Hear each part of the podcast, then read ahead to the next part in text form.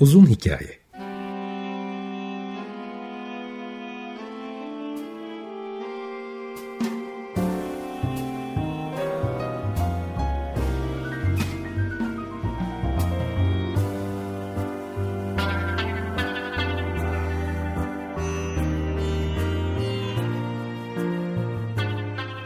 Hazırlayan ve sunan Muzaffer Çorlu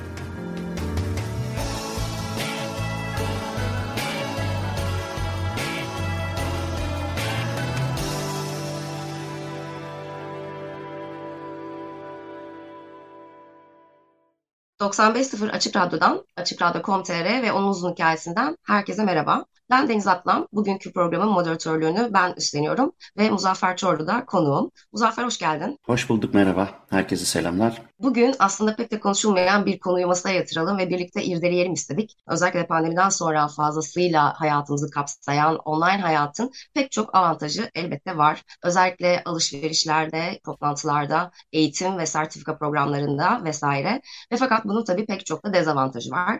Biz bugün özellikle dezavantajlarını konuşmaya karar verdik. Ve Muzaffer bu konuda tabii epey tecrübeli. Çünkü pandemi sırasında özellikle herhalde bini aşmıştır diye düşünüyorum. Online evet, derslerin. Workshopların. Dolayısıyla aslında istersen önce işin biraz eğitim kısmından başlayalım. Çünkü hem ilkokul öğrencilerinin uzun süre online eğitime maruz kaldığı bir süreç geçirdik. Ee, onun dışında insanların belki de normalde aslında niyeti olmayan ama bir hobi edinme amacıyla belki de bir enstrümana başlamak gibi online işlere giriştiğini gördük. Bunların öğrenme konusunda avantajları ve dezavantajları avantajları ile ilgili senin tecrübelerinden birazcık örnekler dinleyelim. Şimdi avantajları tabii ki hani başta da söylediğin gibi öyle uzun uzun konuşmaya gerek yok. Avantajı zaten pandemi zorunlu kıldı. Özellikle eğitimde, e, terapide de öyle, alışverişte de öyle zorunlu kıldı. Çünkü insanlar dışarı çıkamıyordu. Dolayısıyla o dönemi, o iki yıllık süreci insanların biraz daha normalmiş gibi tırnak içinde atlatmasına yardımcı olduğu için avantaj büyüktü. Fakat şimdi böyle bir zorunluluk olmamasına rağmen pandemi öncesine göre pandemi sonrası ki şu an pandemi sonrası demeye çok erken ama e, en azından insanlar artık e, normal sınıflarına, alışverişlerine ya da işte işlerine, toplantılarına döndüğü için sanki post pandemik bir durum varmış gibi hissediliyor. Halbuki ya tıbbi açıdan böyle değil. Ama şu gözüküyor ki e, bu iki yıllık online süreç insanların dersten terapiye kadar online hizmet alması süreci insanlığa e, biz bunu devam ettirelim çünkü bazı avantajları var dedirtti. Zamandan e, tasarruf gibi işte trafik vesaire bir sürü bir sürü zorluklardan kurtardı insanları. Bir de pandemi tabii ki insanlarda özellikle Madem ki her şey online'a dönüyor, o zaman bilgisayarlarımızı e, güncelleyelim, işte kameralarımızı yenileyelim, ışıklar alalım, ışıklar içinde dersler yapalım falan diye böyle bir insanlarda motivasyon oluştu. Ben bu program için kendime ışık alırken işte hani istatistiklere baktım aman ya Rabbim ya son bir ayda işte şu ışıktan 35 bin yani herkes bir online işe giriştiği için alışveriş de ona göre değişti. Fakat bu e, aslında tahmin edilebilecek bazı dezavantajları herkese gösterdi. İşte ne bileyim evinin konforu avantajmış gibi duruyor ama aslında dezavantaj. Ya da işte zaman avantaj gibi gözüküyor fakat aslında dezavantaj. Ben bunlara baktıkça da dedim ki o zaman senin de başta söylediğin gibi avantajlarını bir kenara koyalım. Herkesin avantajı kendine fakat bilinen ve bilinmeyen yönleriyle dezavantajlarını konuşalım dediğin için de ben de zaten hani böyle bir programı daha uygun buluyorum. O yüzden direkt dezavantajıyla, dezavantaj ihtimalleriyle başlayalım. Dersten başlayalım. Evet dediğin gibi binin üzerinde yani 1500 tane aşağı yukarı online ders yaptım. Workshop, işte seminer, sunum ve iki taraflı bakabilmek adına yani çünkü bir online ders veren kişi var, bir online seminer veren, sunum yapan kişi var. Bir de karşı tarafta bunu alan kişi var. Online ders alan. İki tarafında dezavantajları farklı. Bence birinci dezavantaj, görünmeyen dezavantaj evinin konforu tırnak içinde. Aslında evinin konforunda öğrenmek diye bir şey olabilir mi? Olabilir ama neyi kaçırabiliriz? Öğrenme de zihinsel olarak bizim bir ekilibriyumumuz var. Yani ne kadar dikkatliyiz, hani istim üstünde durmak demektir. Ne kadar dikkat veriyoruz ve dikkat verdiğimiz zaman bizim bir beden dilimiz oluşuyor. Daha doğrusu bir duruşumuz oluşuyor.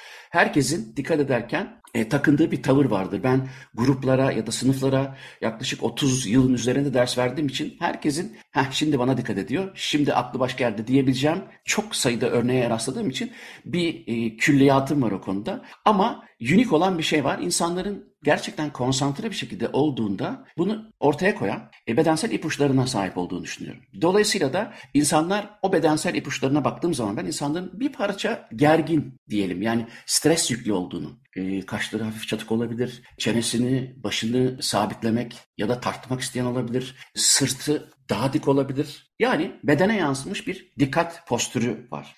Evinin konforu insana kendisini sınıfta, sinema salonunda, tiyatroda, konserde olduğu gibi bir istim üstünde olma halinden uzak tutuyor. Çünkü yani şuralarda bir yerde dün yenmiş ve orada kalmış yoğurt kabı olabilir. Şuralarda bir yerde bir kola kutusu olabilir, ezik büzük. Ya da şurada bir işte bir şekerlemenin ambalajı olabilir. Telefonun şurada duruyor olabilir. Orada ikide bir de bir notifikasyon olabilir. Evinin konforu mu bu? Evet evinin konforu ama yan gelip yatacaksan evinin konforu. Bu konforun ben büyük bir dezavantaj yarattığını düşünüyorum. Hani en çok gösterilen şey şudur ya hani çok ciddi toplantılarda kravatlı iş insanlarının erkeklerse özellikle altta şort giydikleri falan. Çünkü hani buradan aslında o şortu giydiği anda her zaman alışık olduğu pantolonun sensation'ı yani bacağı o kumaşın değdiğini biz hissetmiyoruz. Ama biz hissetmiyoruz. Beden onu hissediyor. Dolayısıyla o bacaklara gelen hafif rüzgar, hareket ettikçe işte o bacakların hissettiği duyum başka olduğu için beynin konsantre olacak olan şeyi bozulmuş oluyor. Çünkü çevre çok farklı. hani kamerayı aşağı doğru kırdığı zaman insanların komik görüntüsü aslında kafasında var. Hemen bir şey söylemek istiyorum. Tam da bu sırada şurada kolinin içine girmeye çalışan mesela bir tırmıklayan bir kedi var ve hani seni dinliyorum fakat oradaki şeye zarar verme ihtimalini bir taraftan düşünüyorum. Tam olarak anlattığı şeyi yaşıyorum. Bir taraftan da hala evet. postürümü korumaya çalışıyorum ve gerçekten çok yorucu. Aynen öyle. E, çok yorucu tabii. Fakat herkes çok dikkatli değil. Özellikle yapılan araştırmalar gösteriyor. Online işler bizim e, dikkatimizi çok dağıtan işler oluyor genelde. Bir de e, her yeni nesil biraz daha konsantre olabildiği saatleri dakikalara, saniyelere indirgeyecek kadar düşüyor. Bunun sebeplerini ayrıca konuşuruz. Hani dikkat eksikliğiyle ilgili e, teknolojinin nelere yol açtığını konuşuruz. Konumuz o değil. Ama şu bir gerçek. İnsanlar giderek daha az dikkatli, e, dikkat kesilir hale geliyorken Özellikle gençlerde fark edilen bir şey var. O deminki evinin konforu gibi dediğim noktaya çok yakın. O da insanların bilgisayarlarını günde kaç saat kullandığını bakmışlar. Bunun kaç saati iş. Şimdi eğer ki bilgisayara girip özellikle telefon şimdi baya bir zaman alıyor ama e, bilgisayar da azımsanacak kadar kullanılan bir alet değil. Dolayısıyla insanlar bilgisayarlarını açtıkları zaman evet şimdi toplantım var Zoom'u, Skype'i falan açayımdan önce mutlaka bir şeylere bakıyorlar. Onlar için bilgisayar bir sosyal medya etkileşimi ya da bir alışveriş etkileşimi gibi şeyler de daha çok kullanılıyor. Dolayısıyla zihinsel hazırlık bilgisayar açıldığında bir anda yani biraz önce işte şu telefonun kablosunu değiştireyim ben ya şu nereden dur bakayım bu neyi almış diye bakarken aynı yere bakacak ve patronuyla ya da öğrencisiyle ya da öğretmeniyle bir iş görüşmesi yapacak. Aynı yere bakarak. Bu zihnin kabullenmediği bir şey. Dolayısıyla zihnin alışmadığı için de konsantre olmakta zorlandığı bir şey. Özellikle gençlerde diyorum çünkü e, bilgisayar kullanımı günümüzde yaş düştükçe artıyor. Yani 80 ile 70 yaş arası %12 kullanıyor. İşte 70 ile 60 %14. E aşağı doğru indikçe örneğin bugün en çok bilgisayarda ve telefonda zaman harcayanlar 15-30 yaş arası grup. Günde 8-10 e, saat. Dolayısıyla Bence en büyük dezavantaj evinin konforu diye yutturulan fakat insan zihninin dikkat mekanizmalarında bunun illa da bir avantaj olmayacağı gerçeği. İkinci büyük dezavantaj da öğrenciler açısından söylemiyorum ama öğretmen açısından da karşımda genelde işte 15 ila 300 kişi olabiliyor master class'larda işte workshop'larda. E, fakat onlar küçük küçük resimler. Şimdi onların her birinin suratına bakıp konuşmamı ona göre şekillendiremiyorum. Aslında her prezentasyonda belli bir drama vardır ve her konuşmada da belli bir drama vardır. Ben hep şeyi fark ederim. Çok az radyo programına katılmış kişilerle program yaptığım zaman, konuk aldığım zaman konuşmalarının çok monoton olduğunu görüyorum. Gerçek hayatta olmamasına rağmen. Örneğin dışarıda da tanıdığım, sonra uzmanlığı ya da tecrübesi sebebiyle radyo programına davet ettiğim konuklardan tecrübeli olmayanların ses tonunun üst ve alt limitlerinin dramasının azaldığını, ortaya böyle yeknesak bir konuşma çıktığını görüyorum. Neden?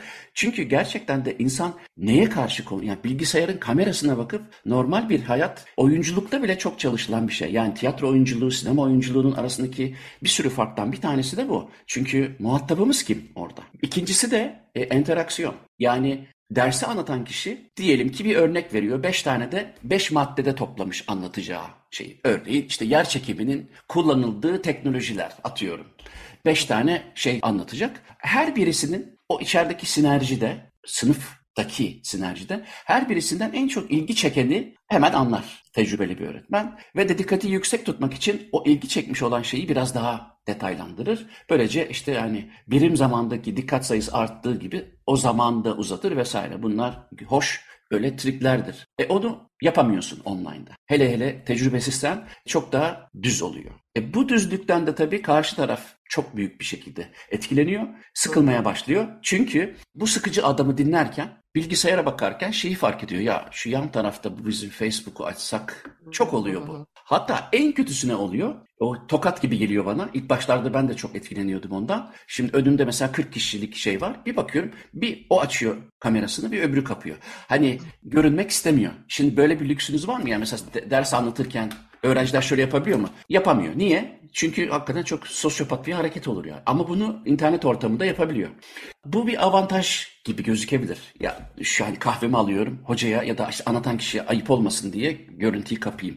Fakat bu birden fazla işlemi kaldıran bir zihin yapımız yok. Yani bu çoklu görevleri zaten hani kolaylıkla yapamıyoruz.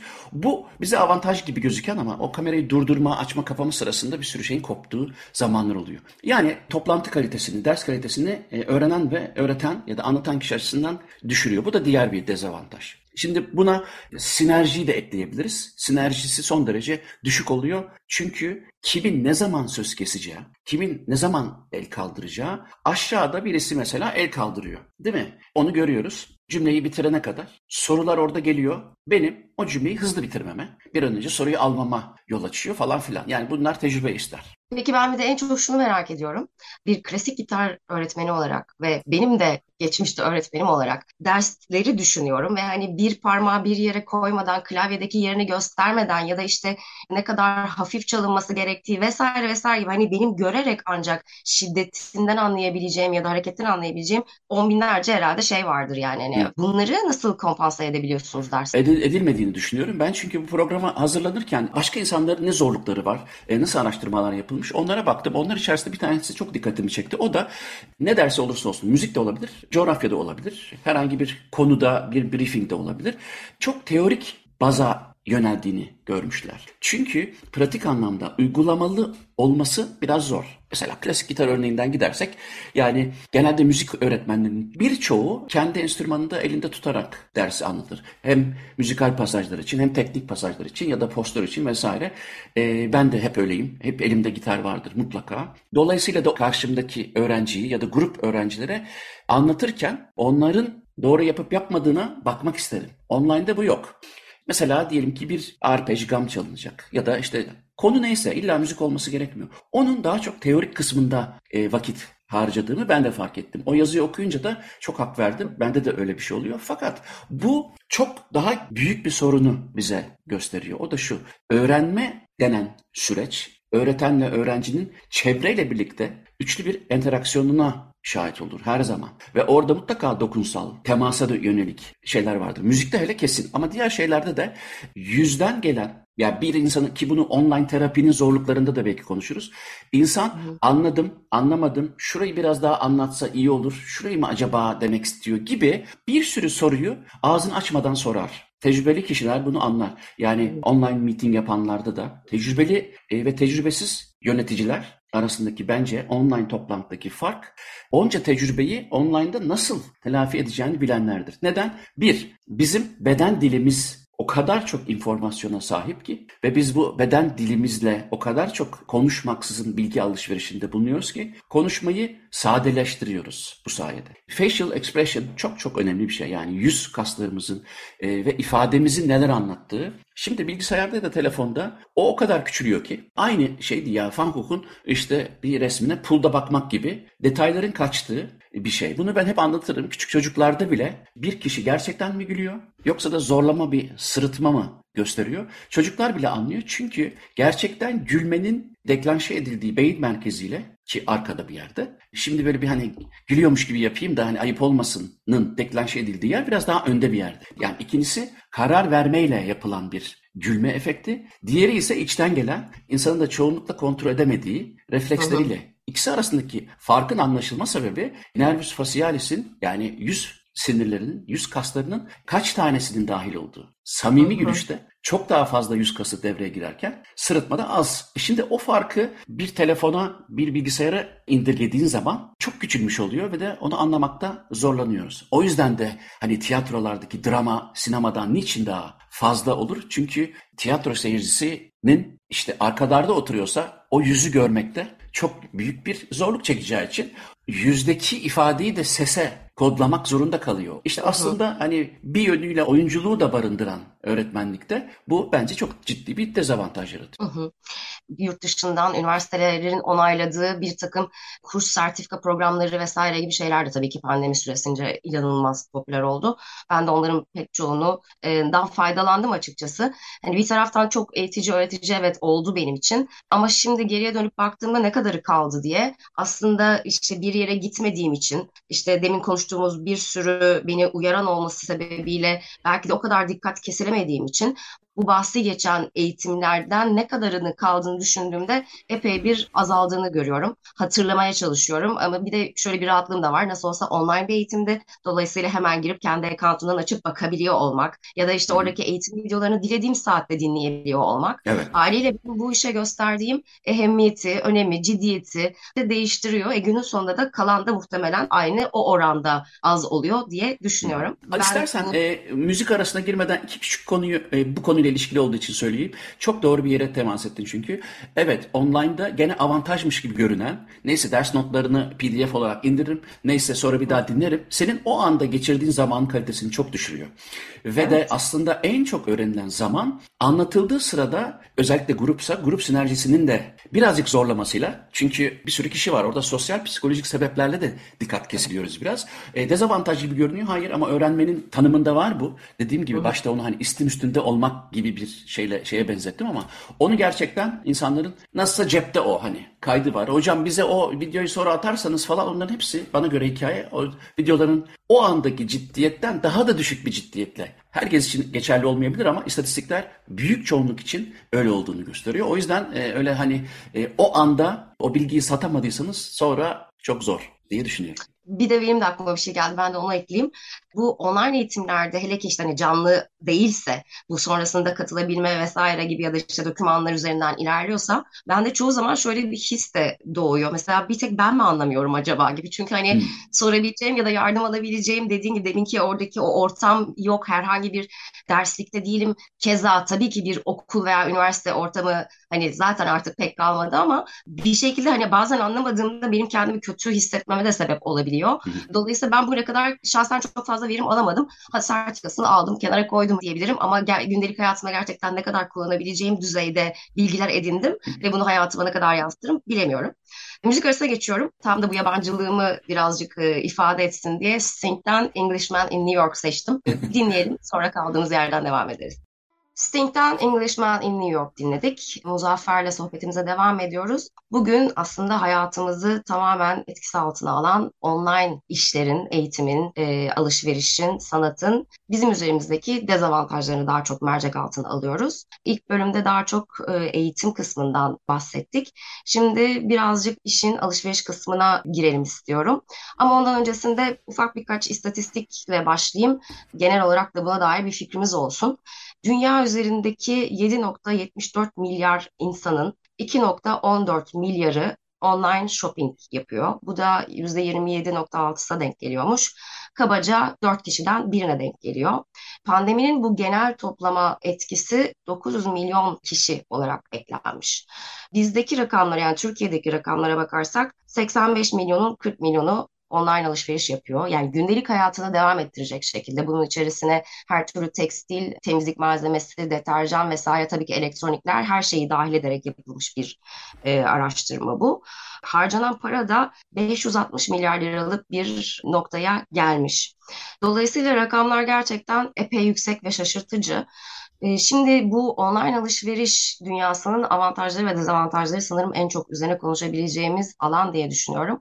Senin bu konuya bakış açınla bir başlayalım, sonrasını getirelim. Şimdi ben senin istatistikleri enteresan ben de e, baktım ama Amerika bazında baktığım için aşağı yukarı zaten aynı şeyler benim baktığım sitede. Yani o şunun için baktım hani konuşmaya değer mi? Yani 2 milyar nokta 7 milyar kişinin online alışverişine yaklaşık 1 milyar kişi pandemide eklenmiş. Dolayısıyla e, yapılan anketlerde şunu görmüşler. Daha çok ve giderek de daha çok artacak. İnsanların çoğu memnun bu işten. E, avantajları gene bence ilk bölümde olduğu gibi işte oturduğun yerden alıyorsun. Bu online alışverişi neden tercih edildiğine dair de bir istatistik var önümde. Birincisi Hı. tamamen bedava eve geliyor olması ilk sırada yer alıyor ve bu yaklaşık hmm. sebe- yani tercih etme sebebinin yüzde 46'sını oluşturuyormuş bu kitlenin. İkincisi istediği kadar değişim yapabiliyor olmak. Geri gönderip sürekli yenisini alabilme denedi, beğenmedi, gönderdi, gene gelecek gibi. Ondan sonra tabii ki yorumlar ve karşılaştırmalı siteler işin içine giriyor. Hı hı. Ve tabii daha çok hani Amerika bazlı diye de düşünebiliriz ama hani bu alışveriş kuponlarının kullanılması ki ben bile yani yakın zamanda söyleyebilirim bu batağa düştüm. Çünkü batak diyorum. Her yaptığım alışverişin bir indirim vermesi veya beni bir yere yönlendirmesi gerçekten birincisi çok vaktimi almaya başladı. Çünkü işte atıyorum 100 liraya aldığım bir ürünü ertesi gün 50 liraya alıyor olmanın bana verdiği çok kötü bir his var. Kandırılmışlık hissi diyebilirim. Buna düşmeyeyim diye sadece alışveriş sitelerinin arasında fiyat karşılaşmak için geçirdiğim zamanın haddi hesabı yok. E, vesaire vesaire ve tabii ki de yorumları okumak. Ben mesela yorum okumaktan alışveriş yapma noktasına geçemeyen biriyim. mesela dolayısıyla da hani bu çalışmaya katılan en azından çoğu kişi için avantaj olan şeylerin bir kısmının benim için çok da avantaj olmadığını ben biliyorum. Ama senin e, dezavantajlar konusunda nelere dikkat çekmek istediğini de merak ediyorum. Şimdi o söylediğin procrastination hikayesi var ya hani öteleme, tereddüt etme. E, çok önemli bir sorun aslında. Onu da o da ben başlı başına bir program yapacağım ondan. Evet dediğin doğru o var. Ben de ona rastladım. Fakat şunu ben söyleyeyim en başta. Satın alan kişinin yani tüketicinin nasıl bir kişilik yapısı olduğundan işte e, duygu durumuna kadar bu o kadar çok etkileyecektir ki ben, ben öyle düşünüyorum. Çünkü mesela ben çok sabırsız birisiyim ve de alışveriş benim için hiç sevmediğim bir şeydir. Bir mağazaya girip işte e, gömlek alacaksam ben zaten onu deneyeceğim diye çok strese girerim. Ya, ben böyleyim. Yani ben girerim, bedenine bakarım, alırım ve de şey denk getirmeye çalışırım. Kasada sıra beklemeyeceğim şekilde. Çünkü ben çok sıkılganım. Şimdi benim gibi sıkılgan birisine online bir şey satacaksan işin çok kolay. Hı hı. Çünkü ben hemen ilk gördüğümü alıyorum. Neden çok kolay? Çünkü ben çok yanılan birisiyim. Yani olabilecek en kötü tüketiciyim. Fakat öyle insanlar tanıyorum ki o kadar bilinçli ki giriyor bir şeyi alacakken bakalım insanlar bu ürün hakkında ne demiş? Onları böyle tane tane okuyor hmm, falan. Neredeyse o ürüne dokunuyor. Ben şimdi en son bu kulaklıkları aldım. Bir kulaklık alırken neye dikkat edilir? Benim gibi bir kişi için çok ucuz olursa kalitesiz olur. Gereksiz çok para harcamayayım. Dolayısıyla en ucuzla en pahalının aritmetik ortalamasına yakın bir yerlerde şunu ben alırım ya da çok yanılırım. Ama mesela şimdi böyle bir şey aldım. Bu kulaklıkları bunun içine koyduğum zaman bu onu şarj da etmiş oluyor hem de koruyor. Fakat bunu kapatırken çıkarttığı sesin güzelliği çok hoşuma gitti. Eğer ben e, bu tesadüf bunu e, bir e, hi-fi'cıdan gidip alsaydım bu kapak beni etkilerdi kararımı vermemde diğer rakiplerine göre. E, ama bazı insanlar ve yeni rastladım buna da öyle review'lar yazıyor ki işte dokunduğunuz zaman elinizde şöyle bir his bırakıyor. Ee, yok işte plastik ama ipek gibi bir dokunuşu var. Benim hayatta hiç yani çok sıkılıp okumayacağım şeyler. Ama aslında e, benim satın alma davranışımı da değiştiren şeyler. Dezavantaj olarak gördüğüm şey şu. Eğer tüketici çok bilinçliyse, benim gibi değilse yani, o zaman o dezavantajı elimine ediyor review'ları okuyarak. Bir otelde kalınacak. Orada istatistikler çıkarıyorlar. Diyor ki işte bu, bu odayla ilgili 400 kişi fikir beyan etti. Onları da bir renk yapmışlar. En iyisi 5, en küçük, düşüğü 1 olmak üzere. Diyor ki mesela bu 400 kişiden 300'ü 5 verdi. 100'ü işte 4 verdi neyse bir fikir oluşuyor. Şimdi bu o dezavantajı kapatmak için yapılan bir hile. Çünkü e, aslında ben şuna inanıyorum. Bununla ilgili de bir programda yapmıştık aslında. Bir ürünü almadan önce birinci motivasyon ne olmalı? Tabii ki o ürüne ihtiyacımız var mı yok mu? Online dezavantaj şu. Adamın sana onu satması için ekranın tamamında bir sürü şey kullanıyor. Hatta en büyük dezavantajı %30 tüketicilerin %30'u düşmüş istatistiklerden görüyorum. Diyor ki mesela bunu alan şunu da aldı. Başarılı tezgahtarlar da yapıyor onu aslında dükkanda. Ama büyük mağazalarda ne bileyim böyle hani gittin bir işte e, bir soya sütü aldın. Ding diye bir şey yandan çıkıp bu soya sütünü alan buradaki soya kıymasını da aldı diye bir şey çıkmıyor. Ama onu da benzetmeye çalışıyorlar. Tam kasaya gidince yani bunlar tabii aslında nöromarketingin uzantıları. Yanlarda böyle hani hemen ayaküstü şuradan da bir çikolata kapayım. Onları da çocukların göz hizasına koyarlar falan. O numaralar var. Ama online'da en büyük tuzak o alışverişi yaptıktan sonra o kişinin bireysel algoritmasına onunla ilgili çok reklam düşeceği. Evet. Dolayısıyla insanlar ben buradan bir gömlek almak için şu dükkana gideceğim. İşte o dükkana bisikletle gideceğim. E, orada biraz zaman arayacağım. Geleceğim. Benim yarım saatime mal olacak. Halbuki online cırt diye yapıyorum dediğin şey uzun vadede aslında belki daha zaman e, alabilir. Onu da yazmışlar. Zaman kaybına yol açtığını da yazmışlar. Mesela o da ciddi bir dezavantaj. Onunla ilgili ben hemen kendimden gene örnek vereceğim. Dediğim gibi ben bunun dezavantajını zaten çok yaşayan biriyim. Daha doğrusu online alışveriş yapma noktasına gelmem bile epey bir zaman aldı bence yaşıtlarıma göre. E, 40 yaşındayım ama benim yaşıtlarım çok uzun yıllardır yapıyorlardı. Ben artık hani gerçekten pandemide mecbur kalmakla beraber daha yapar oldum. Gerçekten de şu beni çok rahatsız ediyor. Zaman kaybı da diyemeyeceğim. İşte seçme ve karar verme aşamasına bile geçemeyecek kadar zaman kaybetme benimki. Yani en basit, en yakın zamanda başıma gelen bir şey olarak anlatabilirim. Kedi kumu seçeceğim. Yani hani kedi kumu alt tarafı gibi geliyor ama ben bütün gerçekten dünyada üretilen kedi kumu çeşitlerine bakıyorum. İşte mısır küspesinden üretilmiş, yok bentonit üretilmiş ya da şundan yok işte zeytin çekirdeğinden. Bütün bunların nelere yaradığını, ne zararları olduğunu vesairesini öğrenip ondan sonra da işte fiyat karşılaştırma aşamasına gelince daha doğrusu zaten enerjim tamamen bitmiş oluyor ve e, günün sonunda da o kadar opsiyon sunulması benim karakterimde bir insan için çok zor. Bana en fazla iki ya da üç tanesinin arasından seçmeyi vermek gerekir. Ha, günün sonunda ne oldu? Gerçekten de hani kedinin kumu gecikti. Yani hani ben yapmam gereken işi aksatacak kadar bu deryada boğuluyorum açıkçası. E, karar verme aşamasına geçemiyor olmak e, benim için en büyük problemlerden bir tanesi. İkincisi de hayal kırıklığı. Yani gerçekten de gelen ürünle oradaki ürünün benzememesi işte bir iki defa yaşandıktan sonra benim zaten çok da sıcak bakmadığım online alışverişi benim için daha da zor kılıyor. Bu sefer işte hani 200 tane e, yorum değil 1000 tane yorum okumaya çalışıyorum.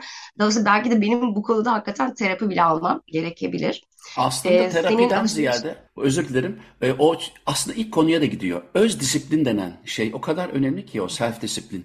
Eğitim öğretimdeki dezavantajları okuduğum zaman ben şeyi fark ettim. Hemen hemen herkes en büyük dezavantaj olarak öğrencinin online ders sırasında tamamen sorumluluğun kendinde. Bunu öğrenmem lazım. Çünkü beni görmüyor hoca. Yani denetleme üzerimde yok. Dolayısıyla bir serbesti var. Fakat o serbesti eğer öz disiplin yoksa kötü sonuçlar doğuran bir şey. Alışverişte de aynı şey.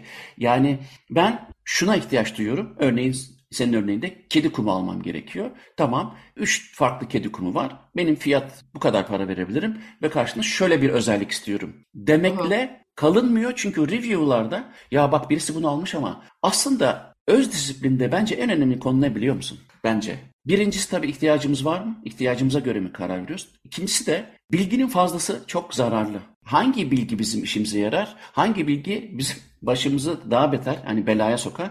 Ben alışverişte en çok onu görüyorum. Yani 4000 kişi yorum yapmış. Hepsinin de işte budur. Bitti dediğini görmedim. Dolayısıyla insanın aklını çelebilecek bir sürü bilgi var. O yüzden bence alınacak olan şeye hani çok hayati bir şey alınmıyorsa ama hayati ne alınabilir ki? Hayati ürün deyince benim daha çok böyle hani aklıma hani bebek çocuk sağlığı gibi şeyler geliyor. Atıyorum işte hani e, kalitesiz bir oyuncağın bir şeyinin kopup da işte çocuk tarafından yutulması gibi hani hayati diyorsan illa evet, evet, böyle bir evet, şey olabilir diye. Devam etmeyeceksem de yorumlarla ilgili başka bir şey eklemek istiyorum ben. Tabii tabii. Restorancılık geçmişimden yola çıkarak hani söyleyeceğim bir şey. Demin hani otel yorumlarından bahsettiğin için.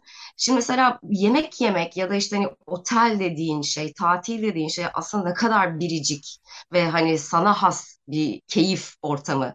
Yediğin yemek de öyle vesaire. Şimdi mesela ben o yorumları okurken beklentilerle gerçekten karşılanması arasında çok ciddi şüphelere düşüyorum. Ki bir de daha önce de hani hem benim hem de çok kişinin de başına gelen şeydir bu. Gidip sadece bir müşterinin orada memnun kalmaması üzerine başlatılan işte negatif politikalar vardır biliyorsun. Saldırıya uğranır. Bir de sosyal medyanın böyle bir dezavantajı da var. Dolayısıyla hani yorumlara da zaten ne kadar itibar etmek gerekiyor diye de ben o kadar yorum okuyan biri olarak şüpheye düşüyorum. Bir de bununla ilgili çok güzel bir örnek var. İngiltere'de bir e, genç bir çocuk. Bunun bu arada YouTube'da videosu var. İzlemek isterseniz izleyebilirsiniz. Çocuk evinin arka bahçesini bir restoranmış gibi gösteriyor ve bunu tamamen bu yorum sitelerinde özellikle seyahat ve yeme içme sitelerindeki kendi açtığı 150 account'tan buranın ratinglerini yükseltiyor vesaire ve işte bir süre sonra rezervasyonlara yerimiz yok diye cevap vermeye başlıyor. Bir telefon var, bütün gün o telefonlara cevap veriyor. İnsanların kafasında orası gerçekten çok az kişinin, seçilmiş kişilerin gidebildiği ve çok özel yemeklerin yendiği, gidenin de kendini çok şanslı hissettiği bir restoran haline dönüşüyor. Bunu yaklaşık 2-3 yıl boyunca işletiyor ve sonrasında bunu açıklıyor ve tabii ki bu İngiltere'de hani ana haber bültenlerine kadar çıktı. Çünkü çocuğun zaten daha önceki işi zaten bu dünyayı anlatmak için yaptığı bir şey yalancı yorumculukmuş. Yani hani bunun için e, para alıyormuş. İşi buymuş zaten. Ona gelen işler doğrultusunda gerçek kullanıcı gibi e, güzel metinlerle yorum yazarak para kazanan biriymiş ve bu yalan dünyayı anlatmak için de böyle bir örnekleme diyeyim yapıyor. Bu beni çok etkileyen bir şeydi. Çünkü düşünsenize yani hani Michelin yıldızlardan bahsediyoruz ya da işte bir sürü yeme içme platformu var. Buradaki yorumları normalde ciddiye alıyor insanlar. Orada yıldızı düşünce önemsiyor falan. Bir tarafta da biri gerçekten arka bahçesini işte en pahalı, en iyi ve reytingi en yüksek bir restoran haline getirebiliyor. Dolayısıyla benim güvensizliğimi bence kanıtlamış oluyor. Ne diyorsun? evet aynen öyle. Çünkü son zamanlarda benim yeni fark ettiğim bir şey var. Şimdi YouTube'da özellikle görüyorum. Paket açma videoları var. Ama sen Her ne olursa olsun. Yalnız ama ben 100, 100 yıldır var ben son 2 yıldır fark ettim ama hakikaten o paketi aç ama oradaki mekanizma şu benim güvenimi ortadan kaldıran. Aslında bazı ürünlerle çok içli dışlı oluyoruz. Benim için kulaklık mesela ya da işte ne bileyim bana göre böyle özel kalemler falan ben onu paket açmalarını seyrediyorum mesela. Dediğin gibi güzel metinler yazılıyor ve de alıcının bütün açık kapıları çok iyi çalışılmış. Yani hayatında bir türlü o mikrofondan tatmin olmayan, hayatında bir türlü işte o kulaklıktan tatmin olmayan, o kalemden, o lambadan ne alıyorsa tatmin olmayan kişinin aslında elimine edemediği e, noktaları bilip ona göre bir paket açma işlemi oluyor. Fakat o paket açma işlemlerinden çoğu para da kazanıyor. Çünkü bir reklam yapıyor. Tabii. Yani kaç tane paket açma reklamı gördünüz böyle saçmalık mı olur diye biten hemen hemen yok gibi. Onunla ilgili de gene acayip bir istatistik var aslında önümde açık. Ee, yani hani bu rakamları konuşmaya kalksak zaten hani program biter ama e, şu anda gene dünya genelinde yapılan alışverişin %48.46'sı civarında olanı tamamen sosyal medya üzerinden gerçekleşiyormuş. Yani hani bu çok ciddi bir rakam. E, zaten hani televizyonun vesairenin ya da gazetenin, derginin neredeyse boşa çıktığı diyeyim hani bir durumdayız şu anda. E, dolayısıyla hani görsel ve yazılı medyada reklam kullanmak ya da işte televizyonda reklam kullanmaktan ziyade bütün reklam bütçeleri tabii ki de sosyal medyaya da zaten aktarılmış durumda. Yani mesela en son gerçekten birinden etkilenip yastık aldım. Yani hani ihtiyacım var mıydı? Vardı evet ama yani hani şu anda değiştirmem gerekir miydi bilmiyorum. Benim için bunlar mesela hani yeni şeyler. Bir bakıyorum ki artık zaten direnemeyeceğim noktaya geldiğini de anlıyorum birazcık. Çünkü denenmişi var gözümün önünde yani hani dertlerini anlatıyor ve bundan nasıl iyilik bulduğunu anlatıyor. Ve ben bunu tabii ki de tecrübe olarak alıyorum koyuyorum kenara. Bir de bakıyorum ki yani bir yastığın 22 bin yorumu olabilir mi ya? 22 bin yorum aldığına göre de bu sefer de diyorsun ki e demek yani hani bu kadar da kullanan var. Hepsi almış gözüküyor. Mesela bu bile tabii ki de tüketici davranışlarını en azından benimkini etkileyecek faktörlerden bir tanesi oluyor. Dilersen bir müzik arası daha verelim. Simple Red'den Holding Back the Years dinleyelim. Ondan sonra terapi dünyasına ve online terapilere göz atarız. Simple Red'den Hold Them Back the Years dinledik. Muzaffer'le sohbetimize devam ediyoruz. Online hayatın avantajları ve dezavantajları üzerine daha çok tabii ki negatif yönlerine fokuslanıyoruz. Çünkü bunların altı çok da çizilmiyor. İlk bölümlerde daha çok eğitim ve alışveriş üzerine yoğunlaştık. Şimdi ben başka bir konuya geçmek istiyorum ama öncesinde de hemen yeni bir örnek vereyim. Dünya Sağlık Örgütü'nün Mart ayında yayınladığı bir bildirge bu. Dünya genelinde anksiyete bozukluklarıyla depresyonlarda %25 oranında başvurularda artış gözlemlemişler ve bununla ilgili aslında devletleri bir şekilde yardım etmek üzerine, sosyal destek vermek üzerine çağrıda bulundukları bir metin bu. Ve başvurularla ilgili de birkaç başlık söyleyeyim. Sosyal izolasyon, işsizlik, sevdiklerinden ayrı kalma, yalnızlık, enfeksiyon korkusu, kaybedilenlerin yasları ve tabii ki de en önemlisi gelecek kaygısı başta olmak üzere bir sürü psikolojik bozukluk veya rahatsızlıkla ilgili başvuru olduğunu ölçmüşler. Şimdi ben bu konuya birazcık da şuradan bakmak istiyorum. Tabii ki de her şeyin online yapıldığı bu dünyada terapilerde uzun süredir online yapılıyor. Belki de zaten başka türlü karşılanması da mümkün olmayabilir. Fakat esas benim merak ettiğim bu online terapilerle ilgili senin de sıklıkla dile getirdiğin gibi normalde bir terapetik ortamın sağlanması e, birinci unsurlardanken şu anda bir ekranın arkasında bir uzmanla ev konforu dediğimiz belki de sıklıkla ortamlarda bu seanslara giriliyor. Sen bir psikologsun, evet terapi yapmıyorsun biliyorum ama bu terapetik ortamın bu hale gelmesinin dezavantajlarını konuşalım istiyorum. Şimdi evet dediğin gibi terapi yapan arkadaşlarım var. Ben iş olarak psikologluğu yapmadığım için onların yaşadığı zorlukları ancak kulaktan dolma biliyorum. Ama bir o kadar da yine bu program için mentalhealth.net'ten dezavantajlarıyla ilgili hani terapistlerin neler aktardıklarını okuduğum için öyle bir der, derleme yapabilirim ama birincisi online terapi daha önce işte mektup yoluyla, e-mail yoluyla da yapılıyordu. Konuşurken ve yazarken e, birbirinden farklı eylemde bulunuyor. Aynı duyguyu e, anlatmaya çalışsa da yazdığı zaman cümlelere dökmüş oluyor.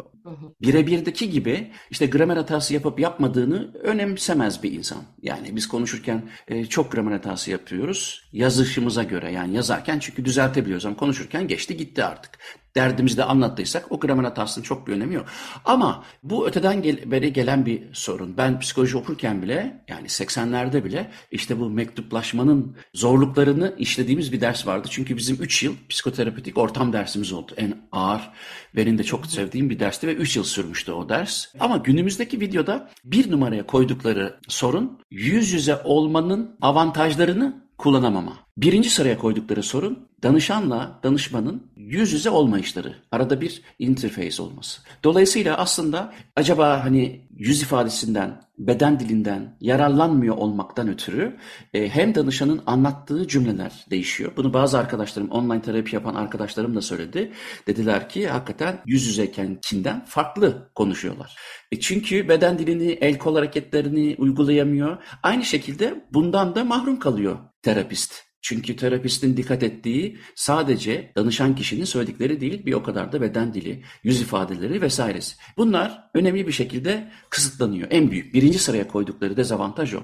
Doğru anlaşıldım mı kaygısının biraz arttığını, doğru anlaşılmak için biraz daha gereksiz bilgilere girdiğini ya da o bilgilerden belki başka sonuçlar çıkardığını söylüyorlar. İkinci sorun olarak gösterdikleri ise e, insanların güven acaba hani online başladılarsa terapiye danışanda güvenebilir miyim? Yani o güven köprüsünün oluşmasının daha uzun sürdüğünü or koymuşlar. Yani zaten bir kişi terapiste gittiği zaman belli bir süre sonra kendini belki daha iyi hissediyorsa online'da e, yapılan araştırmalar diyor ki bu süre biraz daha uzuyor. Yani güven köprülerinin atılması. Üçüncüsü işte acaba hani bu söylediklerim kayıt altına alınıyor mudur gibi fonda bir güvenlik sorunu olduğunu yansıtmışlar. Mentalhealth.net'te okuduğum kadarıyla bazı danışanlarda acaba hani ne kadar özel kalacak bu kaygısı oluyormuş. Bununla birlikte de zaten hani güvensizlik altyapısıyla bir o kadar da bu hani son zamanlarda işte kandırılıyor muyum? Çünkü bazıları da danıştığı kişinin terapistin gerçekten terapist olup olmadığını sorgulama e, noktasına geliyormuş mesela. Çünkü hani muayenehane değil. Hani arkaya bir yeşil ekran koyup pekala da hani bir sahtekarlık söz konusu olabilir. Onu da kaydetmişler. Ben bunu hani o mental health'ta okumasam aklımın ucundan bile geçmezdi.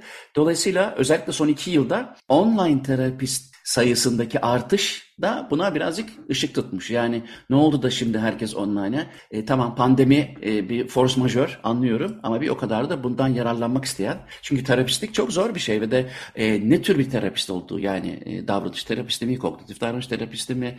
İşte o zaman da bu işin suyu pekala çıkıyor. Dizilere kadar, kitaplara kadar böyle şu terapisti kullanıyoruz, bu terapi yöntemini kullanıyoruz. Aile diziminin gördüğüm kadarıyla gerçekten ne kadar suyunun çıkarıldığı şu an satın alınan ve de satılan bir şey olduğunu gördüm. Haftaya da zaten bir psikiyatristle bu programda bu konuyu işleyeceğiz. Yani aile dizimi nedir? Hakikaten de ne kadar güvenilir, neler oluyor orada onları konuşacağız. Dolayısıyla online terapide bu tür e, sorunlar gözüküyor. Mental Health'te ayrıntılarını okumak isteyen bakabilir. Yani bütün bu güvenlik açığı gerçekten benim de ilk aklıma gelenler olurdu. Ki mesela şöyle tanıdıklarım var. Normalde zaten kliniğe gidip seansa girmesine rağmen bir yerde acaba kayıt cihazı var mıdır diye bile bundan 10 yıl önce şüphelenen arkadaşlarım vardı. Mesela benim de normalde oraya gittiğimde aklıma gelmeyecek bir şey olurdu bu. Ki şimdi hele ki bir de hani ekrandan olduğu için acaba arkada biri dinliyor mu? Aile, onun ailesinden biri ya da mesela işte hani bizde de ayrı odada girdiğini düşünürsen kapıdan seni dinliyorlar mı, dinlemiyorlar mı? Bana sorarsan benim için de konsantrasyonu epey zor olurdu diye düşünüyorum. Ama e, benim gene avantajlar olarak okuduklarımı tabii ki özellikle o yalnızlık konusunda yalnız kalma hissinin bir şekilde arkadaş gibi aslında biraz tuhaf tabii yani hani parayla saatini satın alıyorsun bir insanın ve derdini anlatıyorsun. Ee, ama bundan çok fayda gördüğünü söyleyen de epey bir kitle olduğunu okudum. Yani bilmiyorum buna nasıl bakıyorsun? Yani çünkü sonuçta bu gerçek bir terapinin çok çok ötesinde bambaşka bir konudan bahsediyoruz burada. Ve dolayısıyla orada da belki de işte o kişilerin geçmişini daha doğrusu tecrübelerini veya CV'sini sorgulamayabilirsin böyle bir durumda. Şu an Türkiye'de sıklıkla kullanılan birkaç program var. E, online terapi siteleri. Oradaki kişilere mesela şöyle bir baktım. Yani gördüğüm şu ki hepsi hemen hemen yeni mezun gibi duruyorlar aşağı yukarı. E, 20 ila 30 bandında e, ve mesela hani benim için mesela bir e, tercih etmeme sebebi olurdu. E, ama bir taraftan da başka çaresi olmayan için de çok da sorgulamaz diye düşünüyorum. Avantajlı tarafları tabii ki bazı kişiler e, tahmin ediyorum e, online terapide daha rahat da edebilirler. Çünkü psikoterapötik ortamı kendi evine hani bir şekilde e, adapte ettiği için. Fakat e, en büyük sorunlardan bir tanesi tam climax'te danışan öyle bir noktaya geliyor ki anlatırken derdiyle ilgili terapistin de bir sürü bilgiyi didikleyeceği bir climax oluşurken e, donuyor mesela ekran. Sesim geliyor mu? Beni duyuyor musun? Ya geliyor sesin geliyor. Bir dakika dur. Bir, bir saniye. Şu, o kadar çok gördüm ki böyle bir şeyi. Yani ben herhalde büyük bir konsantrasyon kaybı yaşardım diye düşünüyorum. Yani mesela derste de öyle. Bana soruyu soran kişi bir anda donuyor. E, güzel bir soru sorayım. Burada da e, seyircimiz de var. Güzel bir şov yapayım diye soruya başlayıp aslında gerçekten de samimi sorusunu sonuna doğru tırnak içinde yumurtlayacak olan kişi tam soruyu yumurtlayacak. E, donu veriyor mesela. Şimdi bunun terapide olduğunu düşünemiyorum yani. Çok büyük çok büyük bir rezalet. Niye? Çünkü orada çok bilgi, çok kıymetli bilgiler var, samimi bilgiler var. Danışan kişinin e, terapistine hani e, paylaşacağı. E o kopuyor bir daha başlıyor tekrar falan. Hani herhalde onlar da çok sıkıntı veriyordur diye düşünüyorum. Değinmek istediğim benim tabii birkaç konu daha e, var aslında ama vaktimizin yettiği kadarıyla istersen kısa kısa bunlarla ilgili de dezavantajlarına dair fikrini almak istiyorum. E, birincisi aslında tabii ki de bu işin belki de en başından beri en sıklıkla kullandığımız tarafı olan iş kısmı ve toplantı kısmı. Hepimizin evlerimizden katıldığı toplantılar ve iş hayatı artık hibrit çalışanlar bile söylenir durumdalar. Ya ofis mi kaldı artık kim ofise gidiyor gibi bir noktaya da geldik. Birincisi bu toplantılarla ilgili biraz fikrini almak istiyorum. Belki de son olarak aklınızda kalırsa işte atıyorum hani online olarak bir Louvre Müzesi'ni gezmek gibi ya da gerçekten bir ekranın arkasından bir operayı veya bir baleyi seyretmek gibi, tiyatroyu seyretmek gibi bence tamamen tatminsizlikle sonuçlanan konulara da belki değinebiliriz. Öncesinde şu toplantılarla ilgili bir fikrini alalım. Hepsinin genel ortak özelliğine ben değinerek e, geleyim. O da bilişsellik yani kognitif süreçlerimiz gerçekten bedensel. Yani bu hani embodied cognition denen çok önemli bir konu bu. Çünkü bizim dünyayı nasıl algıladığımız bütün duyu organlarımızla sinestet bir şekilde gerçekleşiyor. Bunu artık inkar edemeyiz. Online işlerde bunların giderek azalması aslında kişide bir bilgiyi işlemekle birlikte o bilgiden keyif alma oranını düşürüyor. O yüzden de işte ben bu ASMR konusunu yapacağız. Çünkü işte kısık sesle konuşurken ağız içi akustiğin çok iyi mikrofonlarla kaydedilerek yapılmış videoların milyonlarca insan tarafından seyredilmesi aslında bir ihtiyaca karşılık gelmesi. O ihtiyaçta biz aslında sadece bilgi alışverişi yapmak için konuşmuyoruz. Yani o senin ağzından çıkan seslerin şu ortamdaki hava moleküllerini hareket ettirişinden dolayı burada bir vibrasyon var ve bizim buna ihtiyacımız var. Yani sosyal varlık oluşlarımızın altında bizim embodied cognition temelli bir evrim sürecimizden kaynaklandığını düşünüyor. Ben de öyle düşünüyorum. Bunu e, elememiz mümkün değil. Online işlerde birinci sakatlık bunun devreye istendiği kadar girememesi. Bir şeyi tattığımız zaman da şöyle düşünelim. Acıkmak iyi midir kötü müdür? Şimdi hı hı. kötüdür değil mi? Çünkü bir ihtiyacımız belirdi. Ama hiçbir zaman da acıkmayı eğer etrafta yiyecek varsa yani açlık çekmiyorsak bunu hep iyi olarak görürüz. Çünkü karnımız acıktı. Ne demek? Çünkü birazdan büyük keyif alacağız demek. İşte hı. neden o büyük keyif? Çünkü bir e, ihtiyacı gideriyor olmanın bir ödülü var. Zaten ödül merkezi de heyecanlanıyor çünkü bir şeyler yediğimiz anda tatmin olmak duygusuna sahip oluyoruz.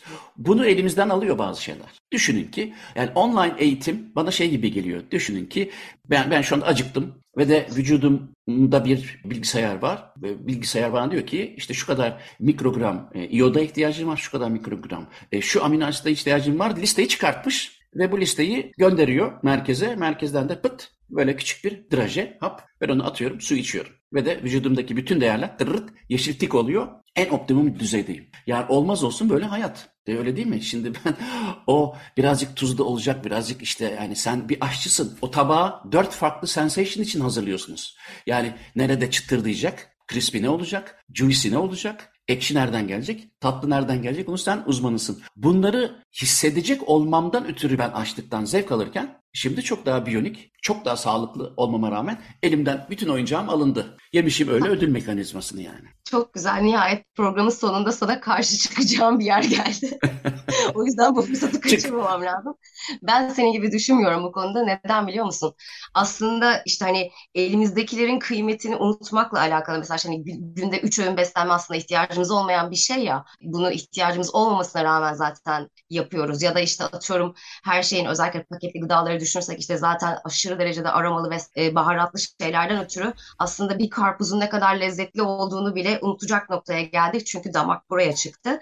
O yüzden de hele ki şöyle düşünüyorum. Yani yemek yemenin bir ritüel olduğunda seninle kesinlikle aynı fikirdeyim.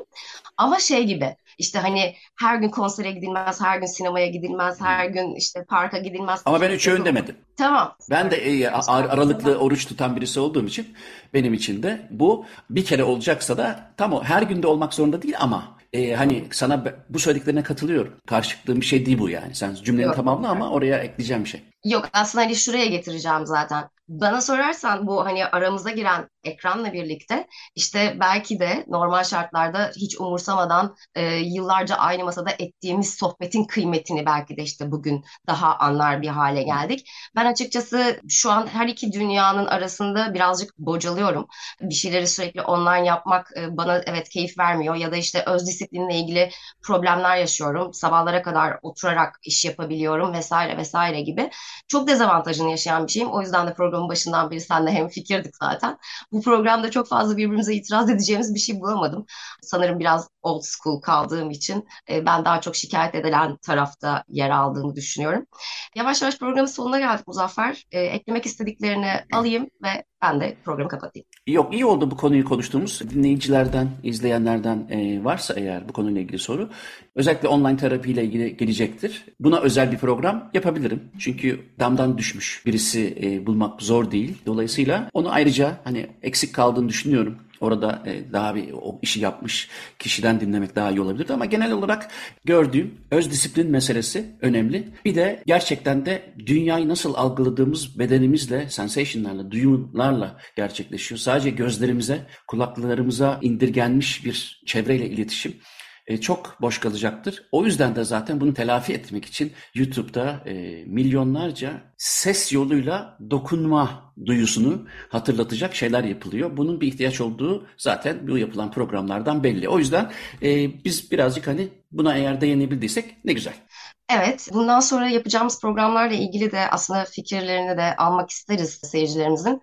Ee, bir sonraki programı e, senin de söylediğin üzere ASMR ana başlığı altında inceleyeceğiz ve sadece uyku için değil e, pek çok şey için neden bu tarz videolara ihtiyaç duyulduğunu ve milyon tıklara ulaştığını e, biraz irdeleyeceğiz.